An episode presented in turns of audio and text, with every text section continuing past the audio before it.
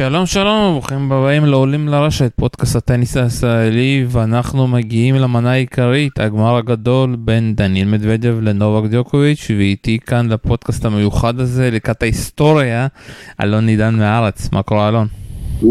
בסדר גמור, שלום, מה העניינים? אני אתחיל איתך, שמע, ההיסטוריה כאות ודרר, אתה מסתכל על ההיסטוריה בעיצומה. אה, תראה, זה נכון מה שאתה אומר, אבל אני אגיד לך מה, אני מרגיש שאת כל ההתשה שהייתה לנו בעניינים ההיסטוריים האלה, כל הדיבורים, כל המאבקים, עשינו בעצם עד הרגע הזה. זאת אומרת, השנים האחרונות, כל הזמן, אם רפה ייקח, ג'וקוביץ' ייקח, הוא מתקרב אליו, לא מתקרב אליו. הגמר בווימבלדון ב-2019, שזה היה 2016, וזה יכול להיות 21-16, וזה נהיה 2017. כל הכאבי לב, כל, אני כאילו מרגיש כבר כל כך מרוקן מהמאבקים ההיסטוריים האלה, שאני מגיע מחר ל... ל... היום, בערב, ל... בלילה, למשחק הזה כבר כאילו, אוקיי, שייקח את זה כבר, שיגיע ל-21, שיעשה את ההיסטוריה, ונתקדם, אוקיי? כי יאללה. בוא אבל נדבר, אתה יודע, על הזון שהוא נמצא בו, היא, כבר, אתה יודע, באולימפיאדה, אתה יודע, זה קצת מצחיק כזה, אבל ראינו את ה... איך שהוא הפסיד לזוורב, ואמרנו משהו שם, אתה יודע, הוא פצוע או משהו זה, כי פתאום שם הסב לא עובד. ולא היה לו חופש, שיחק שני משחקים, ואתה רואה את נובק משחק מול זוורב, בעטוב מחמש, כאילו אתה לא רואה שום סיכוי שהוא מפסיד את זה, אתה יודע, זה, זה קצת עצוב על זה, אבל אתה יודע, לא היה שום מהלך במשחק הזה שאמרת שהוא הולך להפסיד. נכון, נכון, התחושה הייתה לאורך כל המשחק, גם כשזוורב לקח את המערכה הראשונה, וגם כשהוא השווה ברביעית, ואחר כך גם, אתה יודע, גם כשהוא כביכול התחיל לחזור בחמישית, אבל אתה לא באמת מאמין בזמן אמת שהוא יכול לקחת אותו, ואתה יודע, ולפני המשחק, זאת אומרת, דווקא כשאתה כאילו מסתכל על הטורניר, על כולו, זוורב נראה לי מאוד מאוד חזק ובכושר מאוד טוב, וכביכול פוטנציאל להפתיע, אם יש איזה פוטנציאל, אז יכלת להגיד שזה זוורב או וכשמתחיל המשחק ואתה רואה את היחסי כוחות, באמת אתה מתקשה להאמין שהוא יוכל לעשות את זה. שמע, הוא דיבר ג'וקוביץ' אחרי, ה... שאלו אותו אחרי המשחק במסיבת עיתונאי, אמרו לו שזוורב אמר שהנקודות המכריעות, האחרון שאתה רוצה לפגוש כשאתה משחק נקודות מכריעות זה ג'וקוביץ'. וכי כביכול אתה יודע שתפסיד, וג'וקוביץ' התייחס לזה, אבל צריך להתייחס קודם כל לתחושה הזאת שאצל, לא רק זוורב, אני חושב אצל כל אולי הסבב, בטח בדור הצעיר הזה, שהם לא באמת יכולים לנצח את ג'וקוביץ' כשזה הגיע לבי טיים, בגרנד סלמים, במשחקים כאלה, גם כשהוא לא לוקח, כמו ב-US Open, אז זה כי הוא העיף כדור על אה, כוונית ולא כי הוא, כי הוא הפסיד. אז uh, הם מגיעים באמת, בצדק אגב, uh, עם uh, נגיד מינוס בביטחון העצמי, ביכולת, ביכולת שלהם, בפוטנציאל שלהם באמת לנצח בטוב מחמש את, uh, את ג'וקוביץ', ורואים את זה, רואים את זה במשחק, ו, וג'וקוביץ' אגב ענה על זה והוא אמר שהוא מאוד שמח שזאת התחושה שלהם לגביו, שה... הרגעים המכריעים, כאילו בעצם זה אבוד, או המשחקים הגדולים זה אבוד, כי המטרה שלו זה שהם יהיו, הוא אמר, אקסטרים פרשר, זאת אומרת שהם יהיו בלחץ קיצוני כשהם עולים לשחק נגדו, והם באמת בלחץ קיצוני כשהם עולים לשחק נגדו. כן?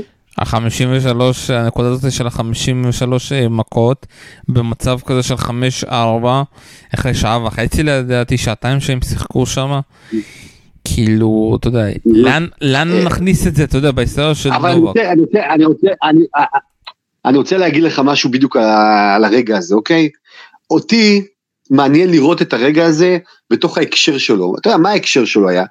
היה בעצם 0.40, אם אתה זוכר, היה 5.4 ו-0.40 על ה... 0.40. אה, עכשיו, אוקיי, ואז היה 15.40 ואז הגיעה הנקודה הזאת, אתה זוכר? מה קרה אחרי כן, הנקודה כן, הזאת? מה קרה אחרי הנקודה הזאת? הוא כמובן נובק ניצח אחרי עוד נקודה קצת ארוכה. כן, אז זאת אומרת, בעצם, תשמע, את הנקודה כביכול עם החמישים מכות, שהיא נקודה אולי היסטורית בכמות החבטות וכולי וכולי וכולי, אוקיי, אתה לוקח, אבל המאני טיים לא היה בנקודה הזאת. הוא לא היה בנקודה הזאת, זה היה, זה היה נחמד, זה, זה היה כמו אקסיבישן יפה, אבל זאת לא הייתה נקודה חשובה. נקודה חשובה הייתה נקודה שאחריה, אוקיי? הנקודה הבאה להשוות ל-40-40 ולהישאר במערכה הזאת, וכו, ואת זה ג'וקוביץ' לקח, וזה בדיוק בעיניי הדבר הזה שמדברים עליו, מה זה הנקודה החשובה ומה זה, מבחינתי הנקודה הארוכה היא יפה, אבל היא לא הנקודה החשובה. הנקודה החשובה זה שהכסף מונח על השולחן, והוא היה מונח ב-30-40, לא ב-15-40, וב-30-40 ג'וקוביץ' לקח. אבל אתה יודע זה כל זה כל הקטע אתה יודע שנובק נכנס לזון אבל תסתכל איך הוא שיחק את המשחקון הזה הוא לא הכתיב שוב, שוב פעם אנחנו מדברים על משחק של חמש מערכות שנובק טעה המון בפון בבקן זה לא המשחק הכי טוב של נובק כאילו אנחנו צריכים לשים את זה בקונטקסט הנכון הוא גם אמר את זה.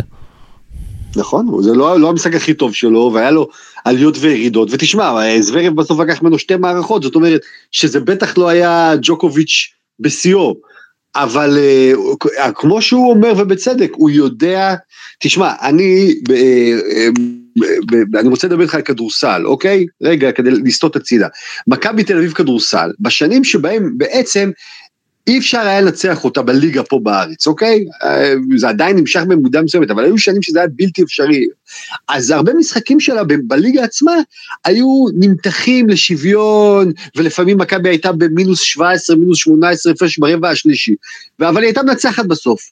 למה זה? כי בין היתר, אה, אה, קבוצות כמו מכבי, או ג'וקוביץ' לצורך העניין, יש להם מצד אחד כבר איזה מין עייפות חומר, הן קצת משועממות מול העולם נקרא לזה ככה, ומצד שני כשכאילו הן מתקרבות לסכנה, אז הן מתעוררות.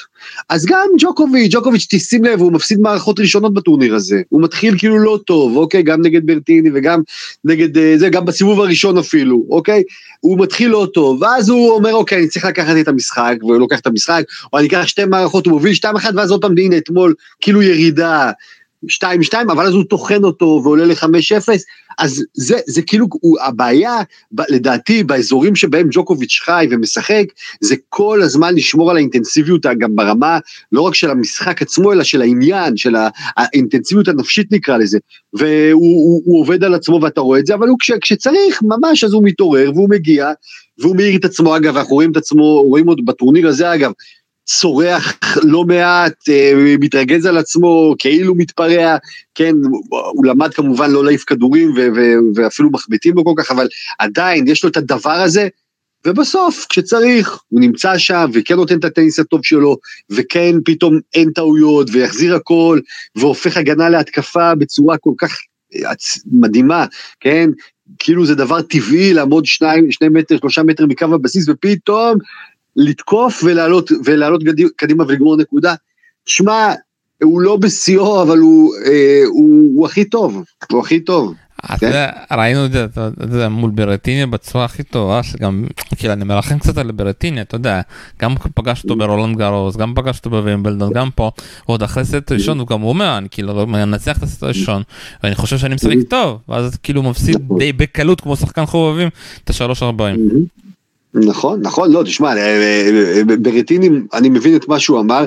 במשחק הזה, שוב, ג'וקוביץ' היה גם באיזה מין מצב כזה, לא, לא יודע אם אתה זוכר, גם במערכה האחרונה, שהוא ממש ממש כעוס, וזועם, וצועק, ונכנס לטירוף, ואולי גם הקהל שם, אתה יודע, שאני חושב, אולי תמך בברטיני, לא בגלל אולי ברטיני, אלא כי הם רצו לראות משחק של חמש מערכות, כמו תמיד, והם נגד, ובעד האנדרדוג והכל, אבל נכון, אבל תשמע, אה, ברטיני זה סיפור אחר גם מסאשה, גם מזוורב וגם ממדוודב, כי אני חושב שברטיני ברמה של ג'וקוביץ', לשחק ראלים ארוכים ולשלוט בכל החבטות, אני חושב שהוא עדיין לא שם, ויש לו עדיין עבודה רבה, נגיד על בקהנד, לא מספיק טוב, אז יש לו סלייס, אבל אין לו בקהנד שיכול לעמוד מול אה, ג'וקוביץ', אז יש לו סרב חזק ויש לו פורהנד, אבל זה לא מספיק, אתה יודע, ג'וקוביץ' פשוט, יש לו, אז אני חושב שיש שחקנים שיכולים להתחרות מול זה, לא לנצח אולי, אבל לעמוד מולו, זוורב אגב הוא אחד מהם, כי באמת גם לו יש את כל הארסנל, בטח מקו הבסיס, בקד פורן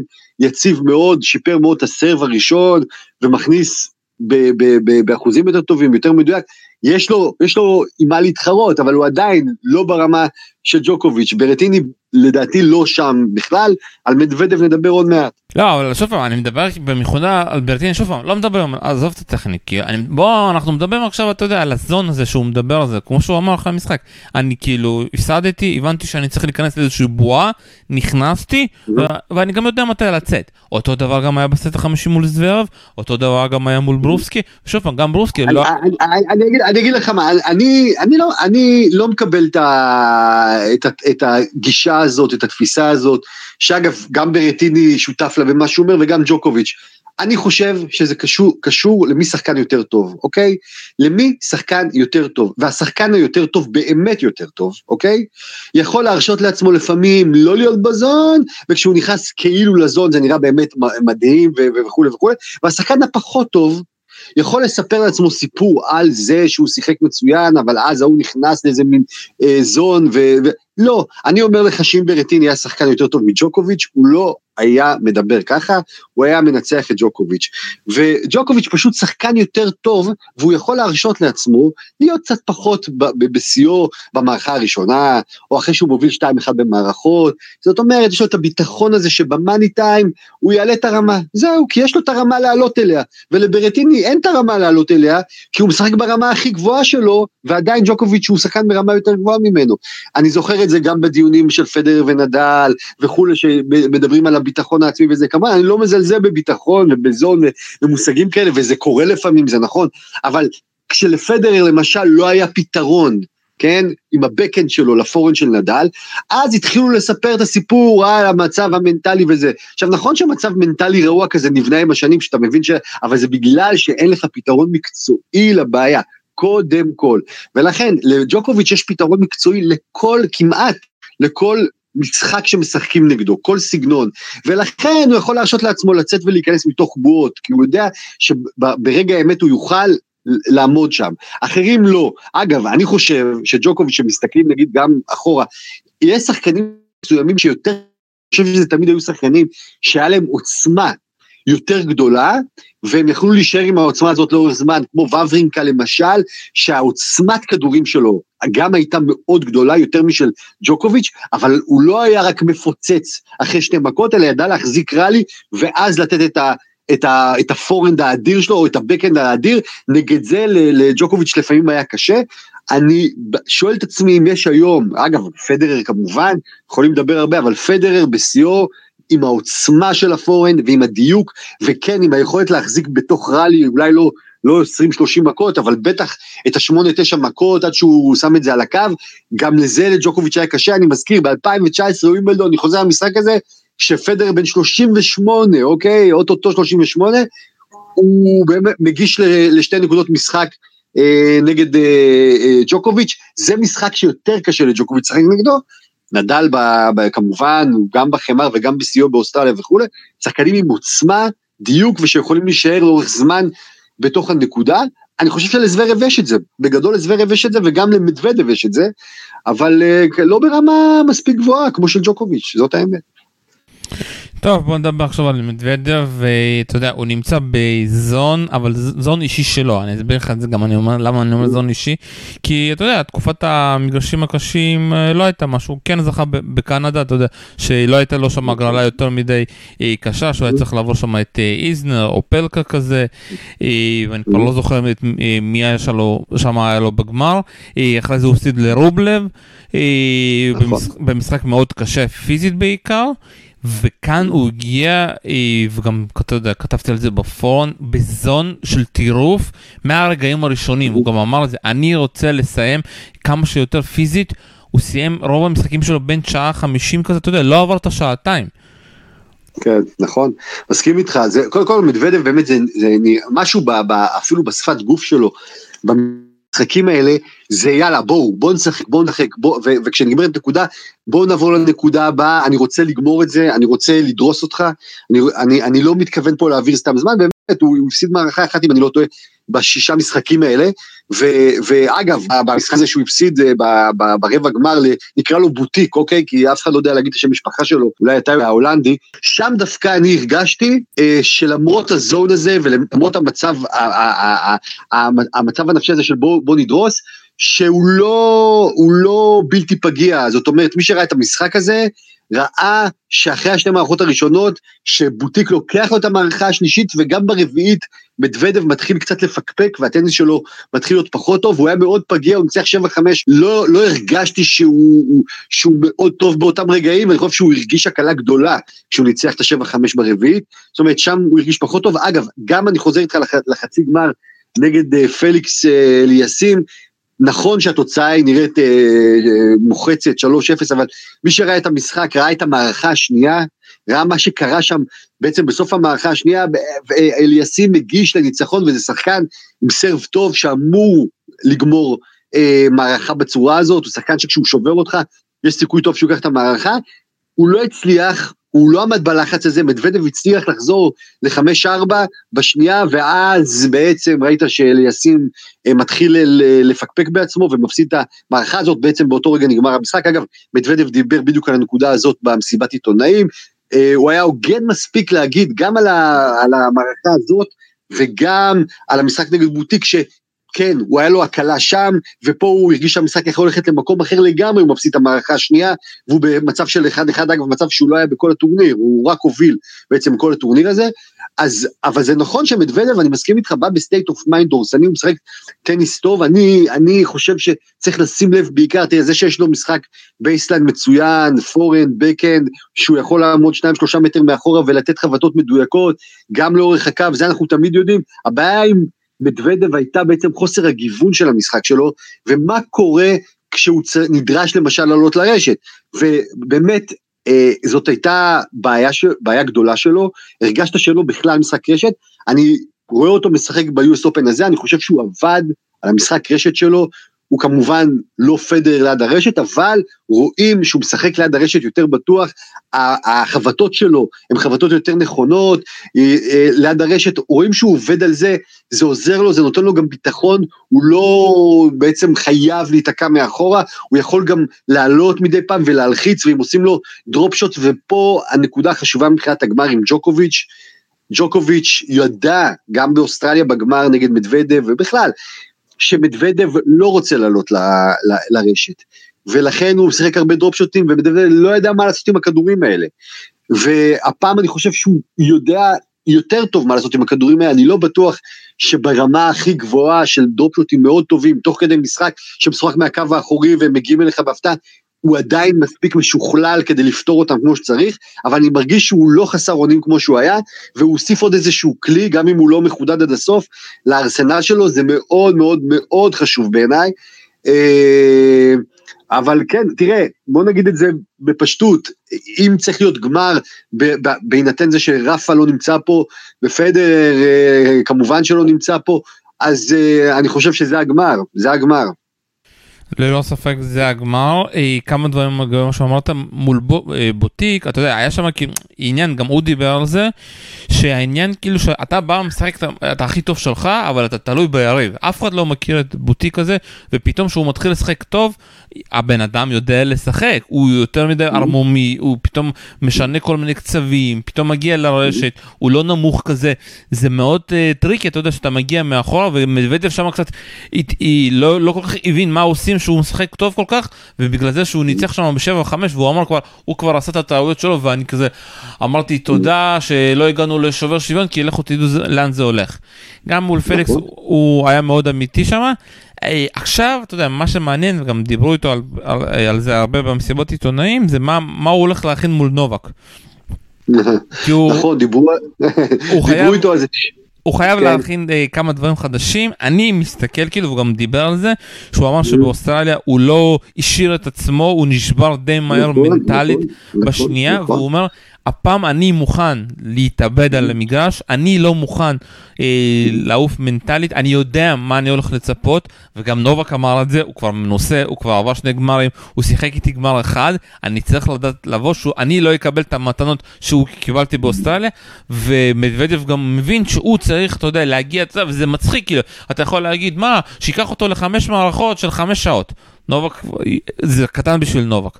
אה, אה, תעשה, תשחק איתו מהר מדי, זה לא טוב בשביל מדוודב, ולצערי הוא ימשיך עם הקטע הזה, כי הוא חושב שזה משהו טוב. אה, שאני מסתכל שוב פעם, אני חושב שבסוף, המשחק הזה תלוי עד כמה מדוודב יצליח להישאר בטקטיקה שלו, במה שהוא מכין, אתה יודע, מהבית. לא להמציא פתאום שלא הולך כל מיני דברים הזויים, לבוא לרשת שלא צריך, אתה יודע, לעשות כל מיני דרופשטים שהוא לא צריך, כי מדוודב, זה מה שבדיוק קרה באוסטרליה, אה, ואני שוב, והיתרון שלו פה כאן, שהוא כבר מביא אה, טורניר אה, שני ברציפות, הפסיכולוגית האישית שלו, שעובדת איתו כבר, הבנתי, מסתבר מ-2008, מ-2017, ואתה רואה את ההבדלים גם בווימבלדון, גם פה, בווימבלדון בעיקר, אתה יודע, אהבתי אחרי שהוא הפסיד לאורקאז, הוא היה מאוד רגוע. הוא היה מאוד רגוע, ידע מה הוא מדבר, ואם היא לא הייתה שם, אני לא יודע אם הוא היה מדבר בצורה כזאתי, וגם פה אני מאוד מרגיש אותו, גם בתקשורת הוא מאוד פתוח, יודע להעביר את המסרים שהוא רוצה להעביר, יודע מה הוא רוצה, ועכשיו אתה יודע, זה שאלת הביצוע. האם מדוודב מסוגל בטוב וחמש לעבור, להביא את עצמו הכי טוב, לא לצאת מהקווים ולעמוד במה שהוא מכין, או שעוד פעם נובק יצליח גם איכשהו לשגע אותו. תראה, אני, אני מסכים עם כל מה שאתה אומר, רק אני רוצה להגיד לך שני דברים. אחד, באוסטרליה, אה, הבעיה הייתה, קודם כל, תשמע, אני תמיד חוזר לאותו, לאותו בסיס, אוקיי? קודם כל הבעיה הייתה שג'וקוביץ' שחקן יותר טוב ממדוודב, אוקיי? זה קודם כל, לפני הכל, לפני זה. שתה, דבר שני כמובן שג'וקוביץ' שחקן עם ניסיון עצום, בטח בגמר גרנדסלאם מול מדוודב שהיה אז בגמר שלו באוסטרליה, ואתה יודע, זה בשבילו התרגשות גדולה וכו' וכו' וכו', זה מובן מאליו.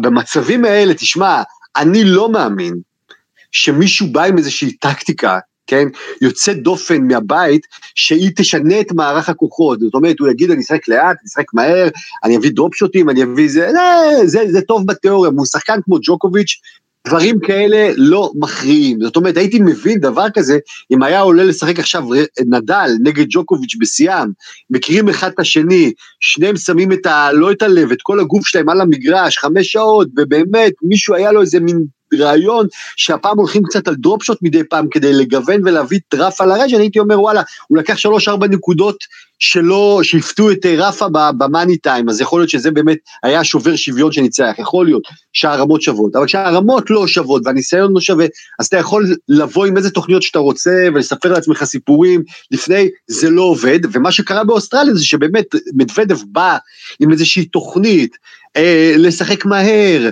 לא, כדי להוציא ג'וקו עבד, הוא כבר לא ידע מה לעשות, כי זה מההתחלה לא היה רעיון טוב, ומה שהיה צריך לקרות זה, זה שמדוודב בא, משחק את הטניס שלו הכי טוב שהוא יכול, ומפסיד. כמו שהוא אמור היה להפסיד לדעתי אולי בארבע מערכות, אוקיי? אבל בגלל שהוא רצה להתחכם, וזה דבר שצריך לדבר עליו בהקשר של מדוודב, נדבר עליו עוד, עוד דקה, אז הוא בעצם ניגף שם בשלוש מערכות קלות, במשחק שלא היה בעצם תחרותי, אוקיי? זו, וזה בעצם הייתה הבעיה. עכשיו, תראה, הוא אמר, באותם סיבות טובים שאתה דיברת, שהוא לא הרגיש שהוא שם את המגרש, אוקיי? ו, ואני חושב שזה קשור לזה, כש... אה, כשאתה בא לכזה משחק, עם כל מיני רעיונות טקטיים של הסוגיה, ואתה רואה שזה לא עובד, ואתה רואה שהעסק מתחיל להתחרבש, ואתה מפסיד בצורה די קלה, אז אתה גם לא שם את כל הלב על המגרש, כי אתה לא מאמין במה שאתה עושה. אתה, אתה כבר מבין שאתה לא תנצח כבר, אתה מבין את זה. לשים את כל הלב על המגרש, אני חושב, קשור גם בלתת את המשחק שלך בצורה הכי טובה שאתה יכול. את המשחק שלך, גם אם המשחק שלך בפוטנציאל הוא לא טוב, כמו של היריב, ג'וקוביץ', תשחק את המשחק שלך. לכן, וזה קשור למשחק מחר, למשחק הערב, אני חושב שזו תהיה טעות מצד מדוודב, לבוא עם איזה תוכנית משחק מבריקה, כן? שאנחנו נשב, נתפוס את הראש ואומר, תראה מה הוא עשה פה.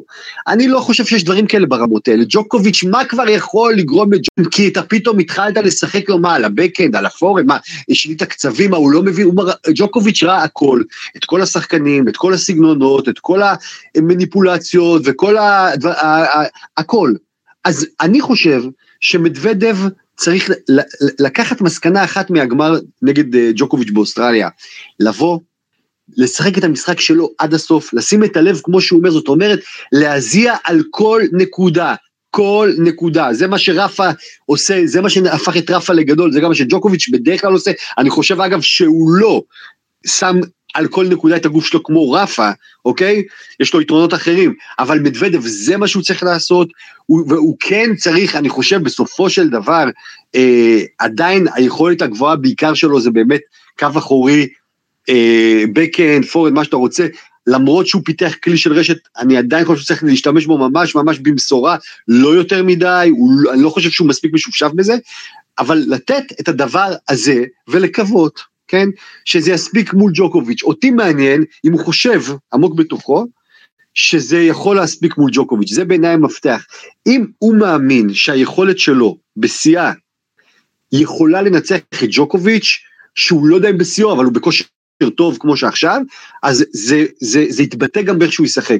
ואם עמוק בתוכו, כמו באוסטרליה, הוא חושב שהוא לא באותה רמה, ושהוא צריך להמציא המצאות, ושהוא צריך לבוא פה עם איזו תוכנית מבריקה גאונית, ופה אני נכנס לחוכמה של מדוודב. תשמע, מדוודב זה בן אדם שמי שעוקב אחריו, תשמע, זה תענוג של בן אדם. למה אתה מרגיש, אתה, אתה, אתה מדבר, אתה שומע פה איזה מין כאילו גאון מטורף כזה שמדבר על טניס, אוקיי? גם כשהוא פתוח, גם כשהוא לא פתוח, גם איך שהוא נראה אפילו, אוקיי? משהו במראה שלו אפילו. כאילו יש לך תחושה שיש פה חיה אחרת בכלל. המשחק שלו הוא לא קלאסי. כל האחיזה שלו של המחבט, כל איך שהוא חובט, זה משהו אחר, קצת מוזר, אוקיי? וזה נותן לו איזה נופח כזה של גאון מטורף, גאון משוגע כזה, פיו אולי, שעושה דברים. אז זה יפה, אסור למדוודב לדעתי להאמין יותר, אתה יודע, אני זוכר את המאמן שלו, ב-US Open המפורסם שבו הוא התרגז על הקהל והיה שם מאבקים וכולי וכולי, ודיברו עם המאמן שלו, והמאמן אמר, תשמע, האיש גאון, תדע לך, הוא גאון, אני אומר לכם, אני נמצא איתו, האיש גאון. עכשיו, יכול להיות שהוא גאון, זה באמת לא מופרך, גאון, שוב, לא איינשטיין אני מניח, אה, אבל אתה יודע, כשמדברים עכשיו על טניס או על רמה של בן אדם, זה, אבל אסור לו לחשוב שבגלל שאולי הוא אינטליגנט וחושב אחרת וכולי, שהמחשבה פה לבדה יכולה לעשות פה איזה שובר שוויון מול ג'וקוביץ'. הוא צריך לשים את הגוף שלו. אני אגיד לך כמה דברים, אתה יודע, אני דווקא גם נהנה לשמוע אותו ברוסית, ויש לו רוסית מעולה, אתה יודע, אה, חינכו אותו בצורה מעולה. העניין הזה, אתה יודע, מה שהוא עשה באוסטרליה, אם שמת לב, זה גם הדברים שהוא עשה מול זוור, וזה גם הדברים האלה שהוא עשה מול אה, נדל, בחמש ארבע באליפות סוף השנה, אם אתה זוכר, שהוא, כבר, שהוא נשבר ונדל הגיש למשחק, פתאום הוא בא לו עם שתי סרט וולי כזה, שינה משהו, לקח וניצל את המומנטום. הוא חיפש את הדבר הזה גם מול נובק באוסטרליה. כן. והוא, ש... כן. והוא החליט ללכת על זה ממש מוקדם, בסט השני, שרק התחלנו נכון. לשבור את כל הכלים. וששם נובה גם תפס אותו, נגמר המשחק. כי הוא כזה, אני יש לי אה, צד אחד, אם אני לא מצליח אני עושה צד שני, אבל אם נובק מצליח, מה אני עושה? אין לי דרך. ובגלל זה גם המשחק נגמר. אז פה הוא לא צריך להמציא דברים, פה הוא צריך להחליט, אני בא אה, לעשות תוכנית אחת, אני מתמיד בה, זה שני. אבל שלום, שלום, רגע, רגע, רגע, שלום, שלום, שנייה.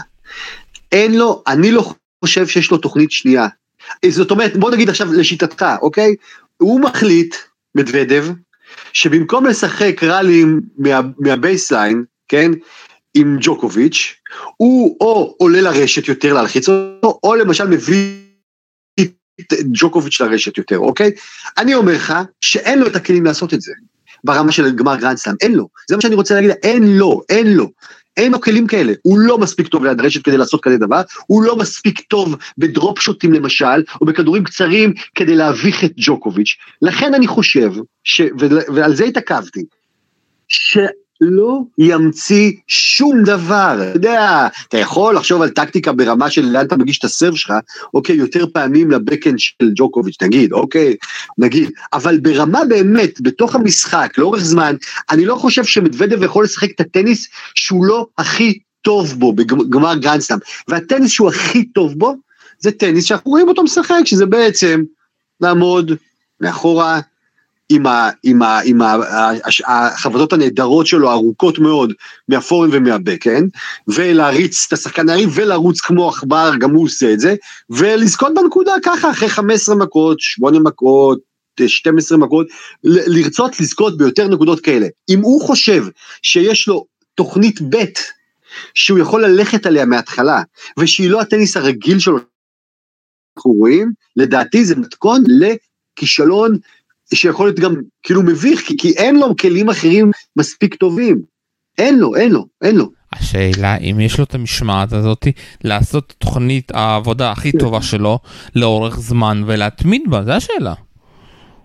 כן, תשמע, אני חושב שתוכנית העבודה הכי טובה שלו, לשחק את הטניס שלו, זהו, טניס שלו, גם, אגב, התוצאה על הלוח תהיה 6-3, 6-4, לג'וקוביץ', אני לא מצפה שבמערכה השלישית כדי לשנות את המצב, אה, מדוודב החליט שעכשיו הוא משחק אה, סרבנט וולי, לא, למה? לא כי לא הייתי, אם זה פדר הייתי אותו, לא תעשה את זה, כי יש לו את הסרבנט וולי כאופציה מצוינת בארסנל, אוקיי? אבל למדוודב אין את זה, אז הוא יקבל 6-2 בסוף, אוקיי? אתה צריך, כן, לשחק בגמר גרנדסם עם הדבר שיש לך הכי טוב. יש שחקנים שיש להם כמה דברים טוב. אגב, אם ג'וקוביץ' רואה שלא הולך לו, אוקיי? בוא נהפוך את זה רגע. ג'וקוביץ' מפסיד 3-6-4-6, אוקיי? שתי מערכות נגד מדוודב. אני כן חושב שג'וקוביץ' למשל, כן צריך להתחיל לעלות לרשת, או להביא את מדוודב, הוא בטח ינסה לעשות את זה לפני, לרשת בעצמו. עצמו, כי יש לו גם את הדרופ שוטס האלה ברמה מאוד מאוד גבוהה, וגם משחק הרשת שלו הרבה יותר טוב משל מדוודב, אני חושב שהוא שחקן רשת כבר טוב, הוא לא היה כזה תמיד כל הקריירה, הוא שיפר את זה מאוד, אז אני הייתי מבין שמישהו כמו ג'וקוביץ', יש לו את כל החבילה ברמה מאוד גבוהה, משנה פתאום את, את השיטת משחק, אוקיי? ואומר, אני עכשיו עולה יותר או אני מביא אותו יותר. אבל למדוודב, אני חושב, יש לו נגיד ציון תשע על פורן ובקן מהקו האחורי, אוקיי? ויש לו ציון אני חושב חמש על משחק רשת, וחמש וחצי על נגיד דרופשוט. אז אתה לא הולך ל- עם חמש וחצי בגמר גדסה לשנות את התמונה פתאום, כן? זה פשוט לא ילך, אתה יכול לעשות מה שאתה רוצה, אבל זה יכול להיות מביך. זהו. טוב בוא נדבר קצת על הסרב, אה, שני השחקנים האלו אה, מגישים בצורה, אה, אתה יודע, אפשר להגיד מדהימה בנקודות החשובות בעיקר, גם את ודב וגם נובק. העניין נכון. פה שאותי מאוד מעניין איך מדוודב הולך לטפל בסרב הזה לטי, שהסרב הכי טוב שלו גם בנקודות הכי חשובות. לדעתי שמע מה שגורן עשה לסרב של מיסטר נובק כן, צריך כן, לתת לו פס נובל. כן, תשמע, זה, זה, זה דבר כל כך חשוב, הסרב של, של נובק ומה שאיווניסביץ' עשה, תשמע, תראה, נובק דיבר על זה כבר הרבה פעמים, בגיל שלו, אוקיי? ואגב, אפשר לראות את פדר הוא הדוגמה הכי טובה לזה, אתה לא רוצה לכל נקודה לשחק 20, 20 חבטות בראלי, שאתה מגיש, לא. אתה רוצה נקודות חופשיות, מה שנקרא free points, נקודות uh, בחינם, אה, והסרב זה הסיפור, סרב ראשון וסרב שני. עכשיו, האופן שבו אה, הסרב של ג'וקוביץ' הפך לסרב כמעט קטלני, אוקיי? ולא בגלל שהוא חזק כל כך, וגם אצל פדר זה אף פעם לא סרב חזק מדי, הם לא גבוהים מדי, הם לא אופלקה והם לא איסנר ולא שום דבר מהסוג הזה. היכולת הזאת, כן, לדייק את הסרף, בעיקר לטי באמת, אוקיי? במקרה של נובק, לטי, ובעצם להתחיל את הנקודה עם חבטה שלישית, או עם כמובן אייס, או עם חבטה שלישית של איזה סיטר, שאתה רק מפציץ אותו אחר כך, זה פשוט דבר שאני חושב מקל מאוד על הקריירה של נובק בגיל הזה.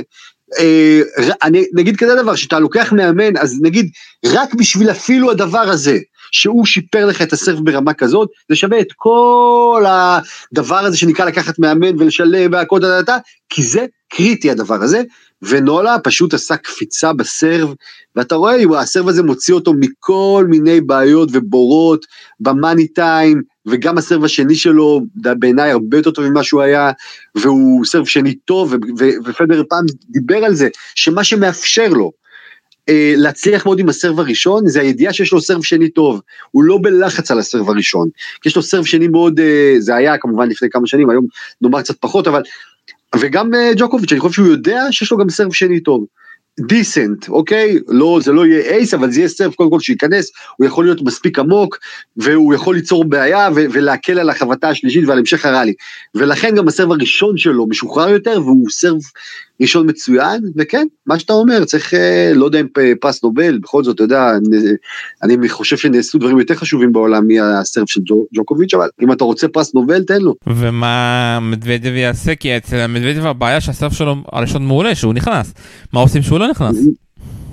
אה, תראה, זאת שאלה, תראה, אנחנו מכירים את המקרה המוזר של סשה זוורב, אם אתה זוכר, אולי לא עכשיו, אבל בטח אה, עד שנה שעברה, שהסרב הראשון לא נכנס וזו בעיה, אז הוא הולך גם על סרב שני שהוא סרב ראשון, ואז עושה את כל הטעויות הכפולות שלו.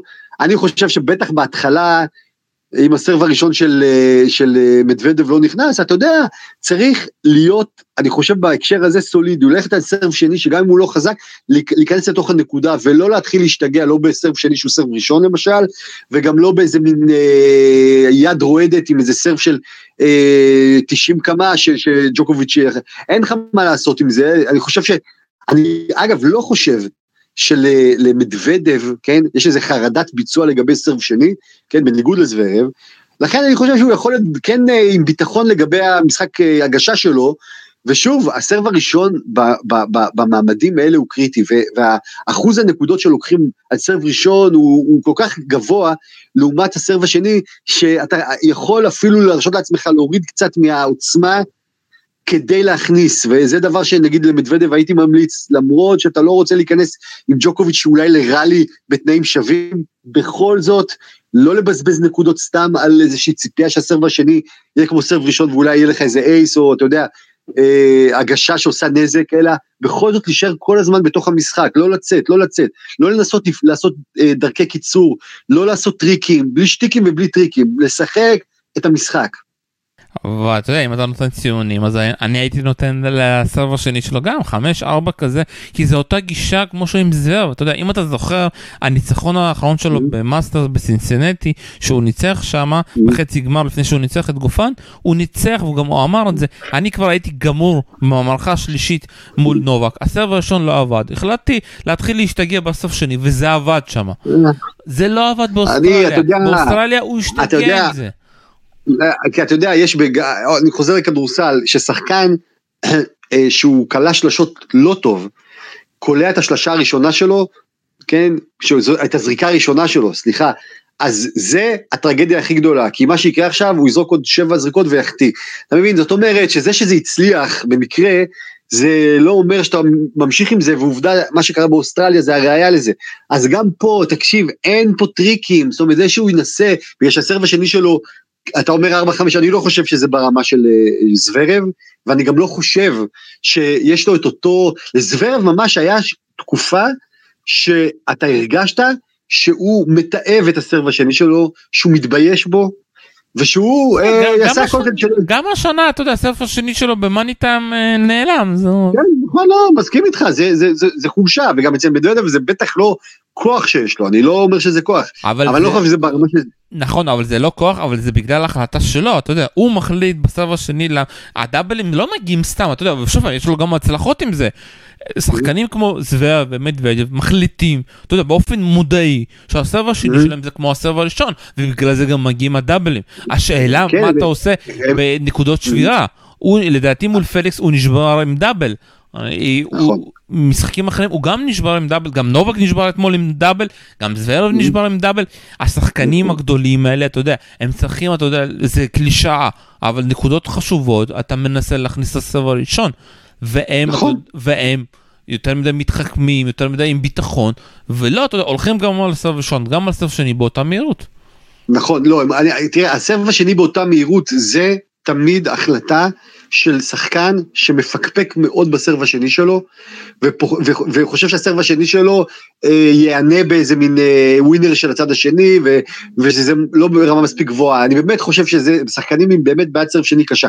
אני חושב שעדיין, תראה, נגיד ה-state of mind הנכון, גם מצד מדוודב, לבוא לסרב שני, זה לשחק אותו סרב שני, זאת אומרת, גם אם הוא יותר חלש וגם בסוף אם זה יענה בחבטה בווינר של הצד השני, עדיין צריך סרב שני ולא סרב ראשון. אבל המסקנה צריכה להיות שבנקודות חשובות, למרות הפיתוי הזה, לאייס, שיכול לפתור לך את המצוקה, אז אתה יכול לנסות להוריד קצת עוצמה כדי להכניס סרב ראשון, גם אם זה אומר שעכשיו יהיה ראלי, ואתה לא לקחת את הנקודה מיד. אז כן, זה המשמעות, תהיה בראלי ותנסה לנצח אותו. אני חושב שכל הפתרונות קסם למשל, סרב שני כסרב ראשון, בעצם גם נכשלים בסופו של דבר, ויותר מזה מאותתים לצד השני שמולם יהיה שחקן נכה, שיש לו נכות, ופה הנכות זה בסרב השני שלו, והדבר הזה מוריד את הביטחון של השחקן שעושה את זה, מעלה את הביטחון של השחקן היריב, ואומר לו, תקשיב, אם אתה מכניס אותו ללחץ על ההגשה שלו, הוא מתחיל לעשות שטויות ומגיש סרב שני כסרב ראשון, וזה משנה את כל ה... נקרא לזה התמונה של, ה, של הכוחות, של שני הכוחות שמשחקים אחד מול השני במונחים של ביטחון עצמי, ואני חושב שזה חבל. אה, ג'קוביץ' יודע בדיוק את העובדה כמונו של מדוודב אין סרב שני כל כך טוב, אוקיי, הוא יודע, ובוודאי שהוא מתכנן לתקוף אותו. ומדוודב יודע שהוא הולך לתקוף את הסרף, שג'וקוביץ' הולך לתקוף את הסרף השני שלו. אם המסקנה שהוא יגזור מהדינמיקה הזאת, זה שהוא הולך להגיש סרף שני כמו סרף ראשון, לדעתי זה פשוט להגיד אחד ועוד אחד שווה שלוש. לא, המסקנה צריכה להיות שהסרב הראשון, צריכים לעשות הכל כדי שהוא ייכנס, בטח בנקודות מפתח, גם אם זה אומר להוריד קצת מהעוצמה שלו, ואם לא הצלחת, לשחק את הסרב השני שלך, הרגיל, וזה אומר סרב חלש יחסית, וכן, יכול להיות שאתה תשלם על זה מחיר, אבל בטח לא להתחיל לעשות טריקים כאלה שדינם בסופו של דבר להיכשל. טוב, אנחנו מגיעים לעניין ההימורים. אה, אני כן. מאוד רוצה שזה יגיע לחמש מערכות. נראה פה משחק בלי, אתה יודע, ששניהם לא, אה, מישהו אחד אה, דורס את השני, כי כבר נמאס לראות גמרים שנובק דורס, למרות מה שהיה ברולן. ושוב פעם, אני מאוד רוצה להאמין שכל ההכנה הזאת של מדוודב, הוא אמר גם, הגעתי מאוד מוכן לגמר הזה, לא בזבזתי יותר מדי, כן התקשיתי פה ושם, כן, אני יודע מה המטרה שלי, זה גמר שלישי שלי, אני לא מגיע כמו טירון, שיחקתי פה כבר מול נדל, שיחקתי מול נובק באוסטרליה, אני יודע מה צריך לעשות, השאלה האם אני יכול לבצע את זה, ומצד שני ההיסטוריה.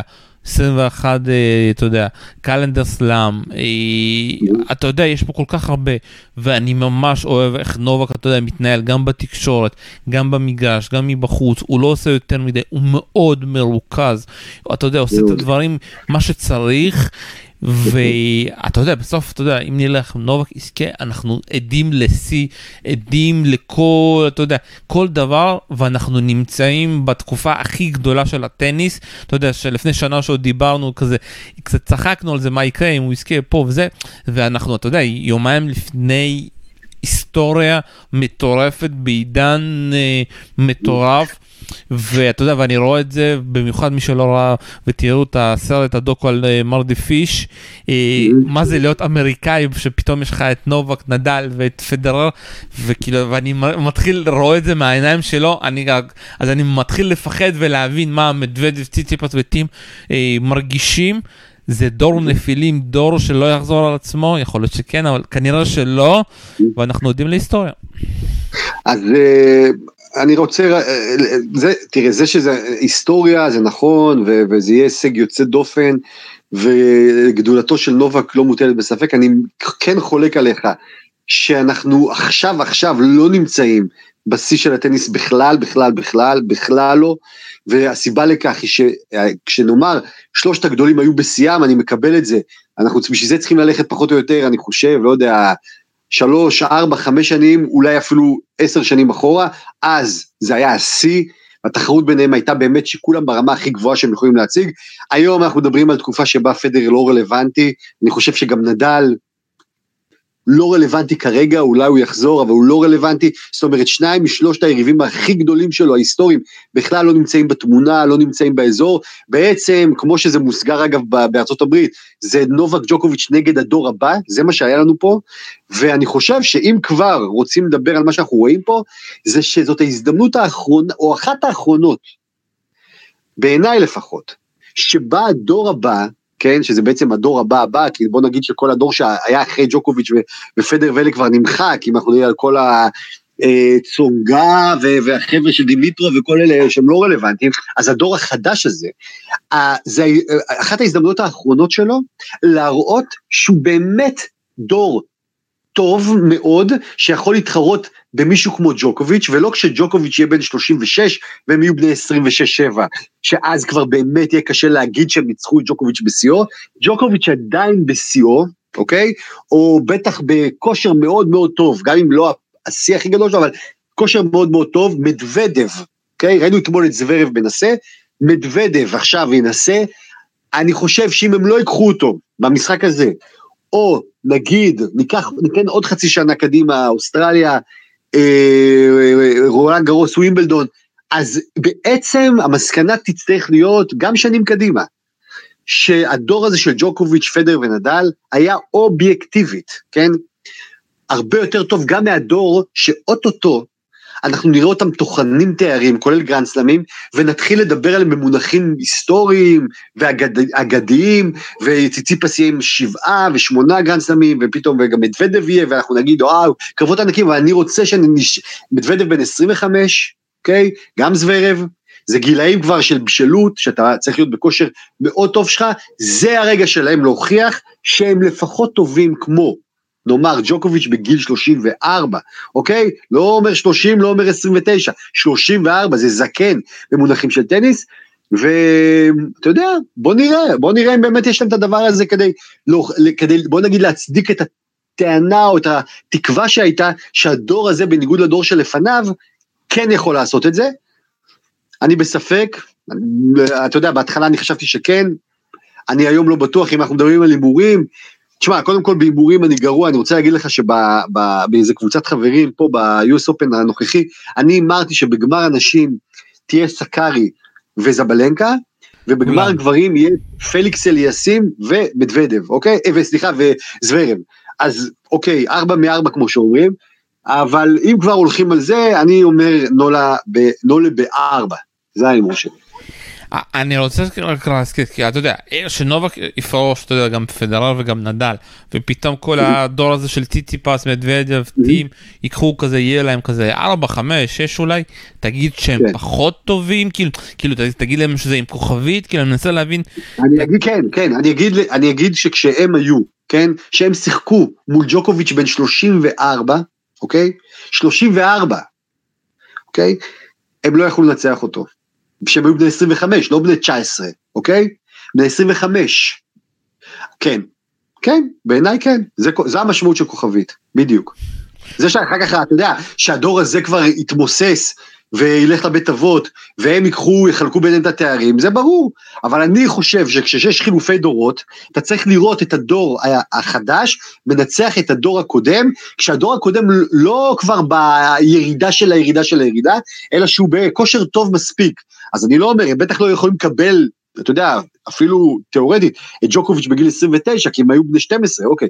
אבל לקבל אותו בגיל 34 כשהם בני 25 וכבר 3-4 שנים חזק בסבב, בעיניי זה הרגעים האחרונים, ניקח עוד שנה קדימה, הוא יהיה בן 35. אגב, גם את רפה הם לא ממש מנצחים, כן? בטח בתנאים שלו על חמר, מי שיכול לעשות את זה זה רק ג'וקוביץ', אוקיי? אפילו לא טים, שהוא כבר בן 28, לא הצליח. וגם אני חושב שפדרר, אגב, גם פדרר, שבמצב שאני חושב שזה טניס מסוג חטא וט' שלו, הוא מגיע לרבע גמר ווימבלדון, אמנם מובס שם, אבל עדיין רבע גמר ווימבלדון, שעבור החבר'ה הצעירים האלה זה הישג אדיר, זה בעיניי גם כוכבית גדולה, כן, זה שחקן בן 40 ש, שכבר לא זז על המגרש כמו שהוא זז, אתה יודע, אז יש לו את הכישרון כמובן, אבל זה אומר משהו גדול, אתה יודע, זה אומר משהו גדול, אני מזכיר לך, סמפרס, אגסי, זה, סמפרס בגיל 31 או 32, כאילו אה, הפסיד לפדר וזה, והתחיל להבין שהוא לא יכול יותר, זה פשוט לא.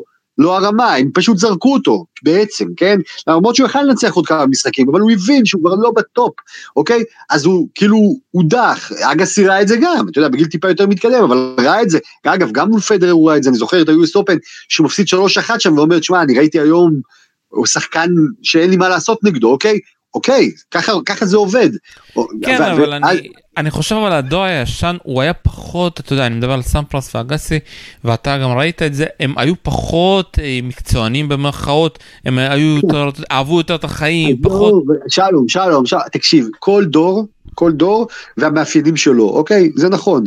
ותמיד אם נלך עכשיו שנות ה-60 וה-70 אז הם היו עוד פחות מקצוענים והכל.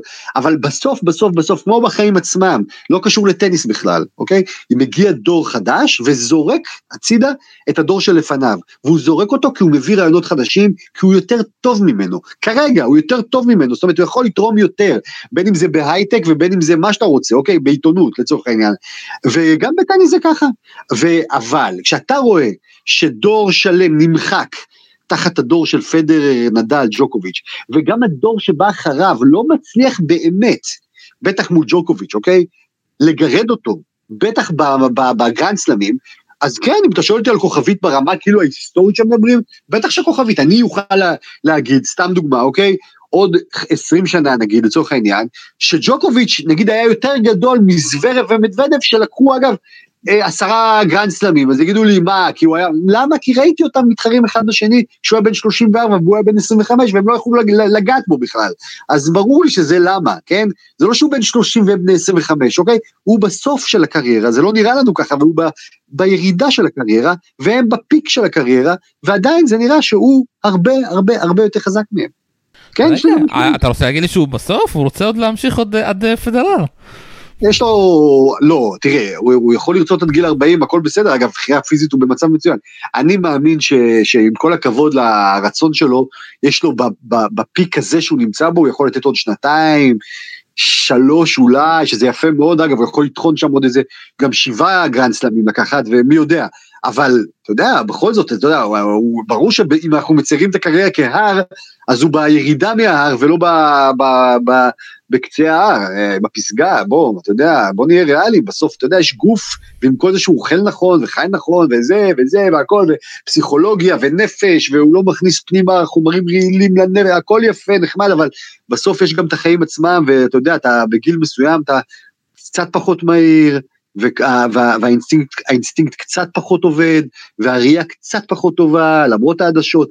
קיצור, אתה יודע, גם פדרר היה נראה, אתה יודע, אלמותי, ופתאום ראית, הייתה לו את הנפילה הזאת. נכון שהוא עדיין כל כך מוכשר, שהוא הצליח להחזיק גם ב-37 ל-8 להגיע לגמר ווימבלדון, אבל וגם ג'וקוביץ' אולי יוכל, אבל ברור שזה היה לקראת הסוף.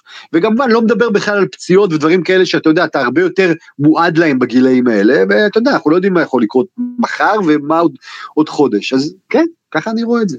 טוב, שמע, אנחנו חייבים לסיים, אה, שמאוד מעניין אותי איך הוא יקבל את זה, כאילו, יכול להיות שהוא יזכה ויגיד, חברים, תעשו מה שבא לכם, אני הלכתי לנפוש, אני פורש מסוף השנה, או שאתה... לא, לא, לא, לא, לא, לא, לא. תשמע, אני אגיד לך מה אני חושב עובר לו בראש. קודם כל הוא אמר את זה במסיבת עיתונאים, זה נפלט לו או לא נפלט לו, שזה המשחק הכי חשוב בקריירה שלו. מיד הוא הוסיף אחרי זה, אה, אולי לא בקריירה, אבל בטח אה, השנה. אבל הוא לא סתם אמר את זה, זה, זה באמת מבחינתו המשחק הכי חשוב בקריירה, במובן הזה של לעקוף, זה לא הגרנד סלאם לדעתי הקלנדרי, שהוא יפה מאוד, אני חושב שזה קודם כל לעקוף את uh, פדר ונדל, זה הדבר הראשון, אבל אני חושב שהוא יודע מצוין, שהשובר שוויון איתם לא יכול להיות. בגרנד סלאם אחד יותר, זאת אומרת 21-20-20, זה לא והיו תמיד הנודניקים הפדרריסטים כמוני שיגידו, אבל אה, פדרר זה, הוא הביא את העניין למשחק, ויופי, ויש את הנדליסטים, ושמה הוא עשה ברולנד גרות. זה לא ישבור את השוויון, אבל 23, 4, 5 ישבור את השוויון. אני חושב שהוא לא יאפשר לאף אחד יותר להגיד, תראו, היו שלושת הגדולים, אוקיי? זאת אומרת, אפשר יהיה להגיד שלושת הגדולים, אבל הוא הגדול מביניהם, אוקיי? ואני חושב שג'וקוביץ' בראש שלו, לא רוצה להיות 21-2020, הוא רוצה 25, 26, 2020, אוקיי? שזה יהיה ברור מי היה הכי טוב. והוא מסוגל לעשות את זה. אלון עידן, הארץ, תודה רבה לך. ביי. כאן היה שלום סיונוב, תודה רבה שהאזנתם לנו. ביי ביי.